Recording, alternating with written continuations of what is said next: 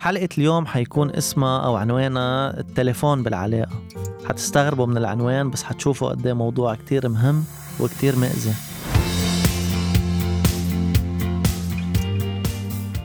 بهيدي الحلقة حنحكي عن موضوع كتير بحبه منتشر بعلاقاتنا العاطفية.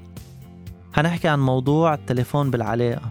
الموضوع المنه هيلثي أبدا بالعلاقة منه صحي واللي بيودي لكتير شكوك وغيرة وخلافات. رح بلش معكم بتجربتي الخاصة وقت كنت بعلاقة مع صبية.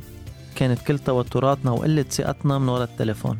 الحلو إنه أنا ما بطلب ال password ولا بسأل ليش زادوا ال followers تبعك ولا مين بعت لك request وهذا الشيء كان مريحني ومريحها لوقت ما وصلنا لخبرية ال privacy الخصوصية ما بتقبل إني أحمل تليفونها ما بتقبل إنه قرب هي وعم تكتب على تليفونها وهيدا كله بحجة البرايفسي ولتزيد الطين بلة ما كانت تعطي ولا ردة فعل على تليفوني أو حتى تسألني عنه. وصلنا لدرجة يدق تليفونها تسكر أو تطفيه وأنا هون كتير زادت عندي الشكوك. وانتبهوا يمكن كان قصدها تخبي شي بشع لتنجح علاقتنا. يعني ما حدا فينا ما عنده ماضي ويمكن يكون ماضي سئيل. بس أنا خلص فقدت الثقة بعد كل هودي الحركات اللي صاروا. فهلا إذا جينا نحكي المفروض نعرف شو هي الطريقة المثلى للتصرف مع التليفون بالعلاقة. التليفون هو وسيلة تواصل بين الشريكين ما لازم أبدا يكون وسيلة تضارب أو تباعد. يعني برأيي حلوة الخصوصية والبرايفسي وهالقصص بس مش لدرجة يفل حدا من الطرفين أو يبعد. يعني إذا إجا شريكك وأخذ تليفونك ما تفزعي ويسكر كابك إذا ما عندك شي غلط وهو كمان مش يقعد يبحبش بس إنه مش أزمة إذا مسكه أو حكي منه وكذا. ال password مفروض يكون مع الشخصين بالعلاقة أو إنه ما يكون في password من الأساس. لأن انتبهوا من وجهة نظري لازم أوقات يكون في مراقبة لأن الكل بيضعف في بعض الأوقات. يعني مثل حيلا شركة ناجحة بيكون في قسم للمراقبة أو monitoring يعني من خلاله كل شيء بضل ماشي على السكة الصحيحة. وهلأ كتير منكم رح يستفز ويقول لي معقول تشبه العلاقة بشركة. رح أكد لكم إنه إيه هي ذات الخبرية أشخاص عندهم نفس الهدف والأواصم المشتركة وبدهم يربحوا.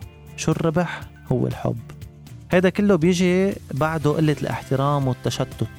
يعني إذا بتلاحظوا في بعض الأشخاص بوجود أو بغياب الشريك تبعهم بيكونوا عم يستعملوا هواتفهم بشكل واضح وملفت لوقت طويل. تخيلوا مرة قاعدة حد زوجها وهو على التليفون كل الوقت بالسهرة. بشرفكم شو بدها تفكر؟ ما فينا نلومها شو ما فكرت وهون ما بدنا ننسى الابليكيشنز اللي صارت أكتر من الكشك واللي عليها قصص يعني يا رب نجينا. قديش حتحس المرة بقلة احترام وتزعزع الثقة من وراء هالقصة؟ أنا بعرف كذا حالة تواصلوا معي بيشكوا من إدمان الزوج على التليفون. فسألت وحدة مرة قديش صاركم سوا؟ قالت لي شي 15 سنة وكتير مبسوطين وكل شي منيح.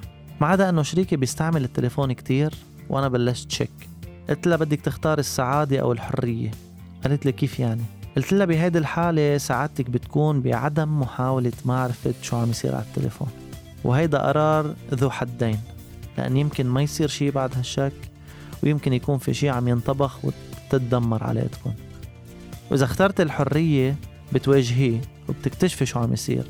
وليش هالقد عم يستعمل التليفون؟ فالكرة بملعبك وأنت قرري.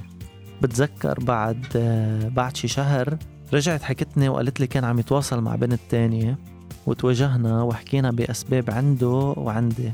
خلته يعمل هالشي. وحلينا القصة. قلت لها perfect وأنا كنت مشارك بنوعا ما من من حل هالقصة.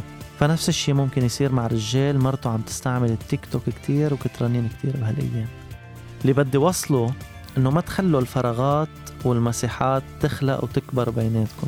كل شيء أدوات وأفكار بتزيد من الشكوك ومن فقدان الثقة بعدوا عنهم. لأنه الجرة اللي بتنكسر بتتلزق أكيد بس لو شو ما عملت لها ما بترجع مثل قبل. من هون بدي أسألكم مثل العادة السؤال هل برأيكم لازم نعطي فرصة تانية للشريك بالعلاقة أو لا؟ وشو بيصير بعد الفرصة التانية؟